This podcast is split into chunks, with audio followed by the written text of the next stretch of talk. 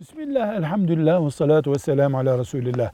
Bir çocuğun süt annesi olmak için çocuğun emmesi şarttır diye bir kural var mı? Hayır. Böyle bir kural yok. Süt annesi olmak için sütün çocuğun midesine girmesi gerekiyor. Bu süt biberonlu olur, tasa dökülerek olur, kaşığa konarak olur. Önemli olan süt mideye girdi mi girmedi mi ona bakacağız. Velhamdülillahi Rabbil Alemin.